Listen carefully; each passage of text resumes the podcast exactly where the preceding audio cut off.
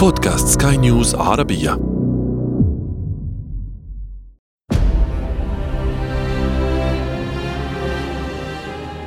في يونيو من 2021 ثار في مصر جدل كبير حول ما عرف بقضية الجن. في الواقع فإن القضية لم ترتبط فعليا بالجن، وإنما بسرقة الآثار. عمليات البحث والتنقيب عن الآثار المصرية والإتجار بها.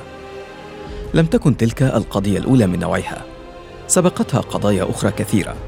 ارتبط فيها التنقيب عن الآثار بالشعوذة والحقائق بالخرافات. وكانت الحقيقة الوحيدة المؤكدة هي تعرض بعض الكنوز للنهب على يد لصوص ومهربي الآثار.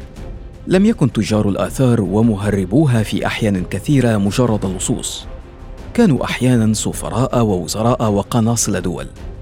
لم تكن دوما شبكات إجرامية محدودة.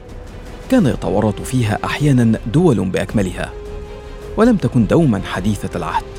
كان بعضها يتم منذ بدأت الحضارة الفرعونية نفسها.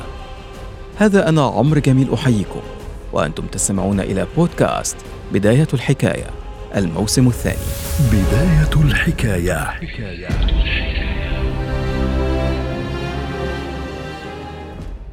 في عام 1925 غادر عالم الآثار الأمريكي جورج رايزنر الذي كان يعمل بالجيزة تابعا لمتحف الفنون الجميلة ببوسطن وجامعة هارفارد في إجازة عائدا إلى الولايات المتحدة.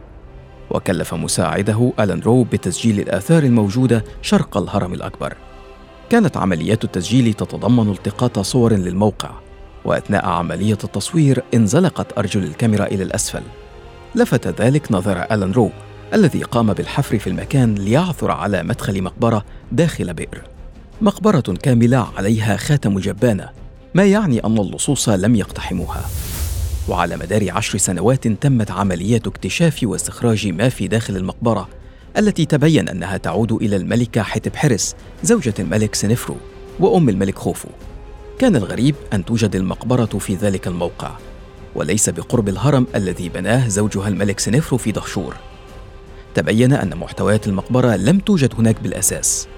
يقول الدكتور أحمد بدران أستاذ الآثار المصرية بجامعة القاهرة إن المقبرة الأصلية للملكة حتبحرس تعرضت للنهب خلال فترة حكم ابنها الملك خوفو الذي اضطر إلى نقل محتوياتها إلى موقع آخر بعيدا عن أيدي لصوص المقابر. اللي حصل؟ إن المقبرة بتاعت الملكة حتبحرس اللي هي زوجة الملك سنفرو صاحب الهرمين العظيمين اللي في دهشور أم الملك خوفو وصاحب الهرم الكبير في الجيزة. في عهد الملك خوفو نفس المقبرة يبدو إنها تعرضت للسرقة عن طريق اللصوص. فالمسؤول عن الجبانة قام بنقل المقبرة ومحتويات المقبرة إلى دفنة جديدة إلى الشمال من الطريق الصاعد المؤدي لهرم الملك خوفو اللي هو ابن الملك حتب حارس هو دفن المحتويات الجنائزية وتم العثور عليها في 1925 وعثر على كل الاساس الجنائزي الخاص بالملكة ومحفوظ دلوقتي في المتحف المصري بالتحرير ما عدا المومياء الخاصة بالملكة يبدو أن اللصوص قد فروا بها لاحتوائها على تمائم ذهبية وبعض الكنوز الأخرى عشان كده المومياء فقدت. ربما كان ذلك أول دليل على أن نهب الآثار لم يكن امرا مستحدثا. كان قديما قدر قدم الحضارة المصرية نفسها. كانت الكنوز والمقتنيات والتمائم الذهبية التي يتم وضعها داخل مقابر الملوك والملكات والأمراء وكبار القوم تفتح شهية ابش القبور لاقتحامها للظفر بما في داخلها. في عام 1857 اشترى الدكتور هنري ويليام أبوت بردية عرفت فيما بعد باسم بردية أبوت. لا يعرف على وجه اليقين متى تم العثور عليها، لكنها تعود إلى عصر الأسرة الفرعونية التاسعة عشرة. تحكي البردية قصة محاكمة تمت لعدد من لصوص المقابر وتروي ضمن تفاصيلها شهادة أحد لصوص المقابر. اللافت أن تلك القضية كما يقول الدكتور أحمد بدران تورط فيها موظفون كان بعضهم مسؤولا عن المقابر الملكية. في الدولة الحديثة بالتحديد في الأسرة 19 عصر الرعامسة عهد الملك رمسيس التاسع تم تشكيل لجنة قضائية بتشمل المحققين والقضاة والكتبة الملكيين وانتقلوا إلى البر الغربي اللي هو آه، فيه الدفنات الخاصة بمقابر الملوك. وتم فحص المقابر دي وتم تسجيل محاضر قضائية اللي هي برديه ابوت اللي حضرتك أشرت ليها. واتضح إن في بعض المقابر تم سرقتها والبعض الآخر كان في حالة اختراق يعني بيتم سرقته. والبعض الآخر وجد وجد سليم. الجميل في الموضوع إن بعد المحاكمات والتحقيقات اتضح إن اللي شاركوا في هذه السرقات هم العمال اللي قاموا ببناء آه، المقابر نفسها وحفر المقابر في الصخر لأن هم كان أدرى الناس بأماكن تواجد الكنوز وأماكن تواجد المقابر اللي هم حفروها بأيديهم وأعدوها. وبالتالي حكم على العديد منهم بعضهم بالنفي إلى بعض الحصول على الأطراف والبعض الآخر بجدع الأنف وصلب الأذن كعقوبة جنائية يعني. فده برضه مؤشر تاني على إن السرقات كانت موجودة طوال العصور القديمة حتى في عصر الدولة الحديثة اللي هو عصر الإمبراطورية وعصر القوة لكن كمان مقابر ملكيه في عصر 19 تعرضت للسرقات. كانت عمليات سرقة وبيع مقتنيات المقابر تجارة محرمة لكنها كانت مربحة أيضا. كان ذلك يرتبط بمدى قوة الدولة. فكلما كانت الدولة قوية قلت عمليات السرقة. وكلما ضعفت شجع ذلك عددا أكبر على تدنيس المقابر وسرقتها. في عصر الأسرة العشرين عندما كانت الدولة المصرية قد ضعفت حتى تجرأ اللصوص على انتهاك حرمة قبور الملوك علانية لم يجد ملوك تلك الأسرة حلا لحماية قبور أسلافهم المدفونين في البر الغربي للاقصر سوى بجمع كل المومياوات وما تبقى من مقتنياتهم في خبيئة واحدة تم إخفاؤها بأكبر قدر من الحرص. لكن حتى تلك الخبيئة لم تسلم.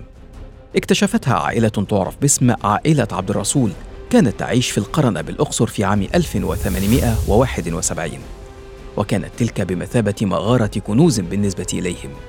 ظلوا على مدار عشر سنوات كاملة في إخراج وبيع ما بها من كنوز. حتى اختلف أشقاء عبد الرسول مع بعضهم البعض وأبلغ أحدهم الشرطة عن السر. في تلك الفترة خلال القرنين الثامن عشر والتاسع عشر كان الهوس بالمصريات قد انتشر في أوروبا والولايات المتحدة بعدما كشفت الحملة الفرنسية على مصر النقاب عن كثير من أسرارها تحولت مناطق صعيد مصر إلى ما يشبه كعبة المغامرين وجمع الآثار والباحثين عن الثراء السريع وكان في القلب من هؤلاء قناصل دول أوروبية كونوا شبكات كاملة للبحث عن الآثار ونقلها إلى دولهم.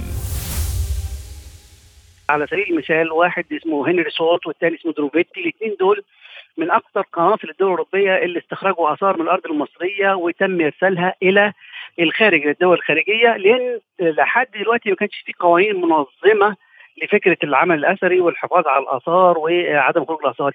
بعض الناس كان عندهم هوس يحتفظ بالمومياوات أول حاجة كنوع من التفاخر والأبهة والعظمة عندهم في آه، مجموعات اللي هي الخاصة بيهم private collections والبعض الآخر كان بيتعالج بيها بيعملوا مصحون أو بيطحنوها وبيتعالجوا بيه قبل طبعا ما يتقدم الطب والدراسة العلمية والبعض الآخر كان بيحتفظ بيها في القصور بتاعتهم ويمكن المركب الشهيرة تايتانيك لما غرقت كان موجود عليها مومياء فرعونية كانت بصحبه أحد الأثرياء المتواجدين على المركب دي.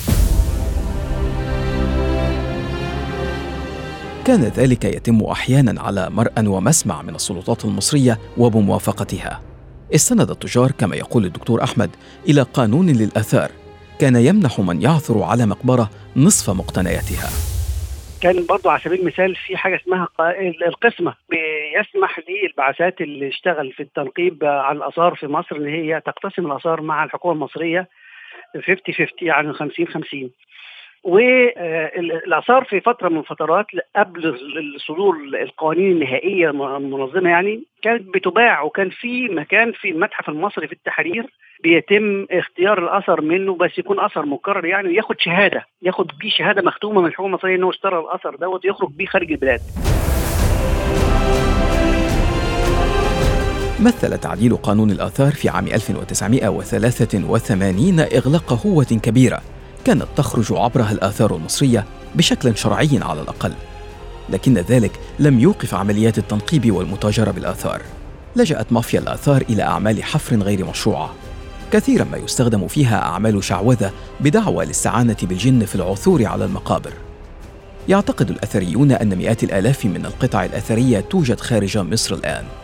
بعضها محفوظ في عشرات المتاحف العالمية وكثير منها يتم تداوله في الأسواق السوداء.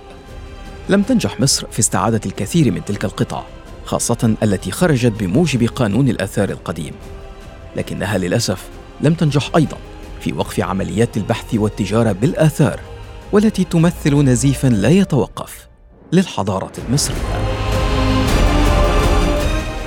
بداية الحكاية, حكاية.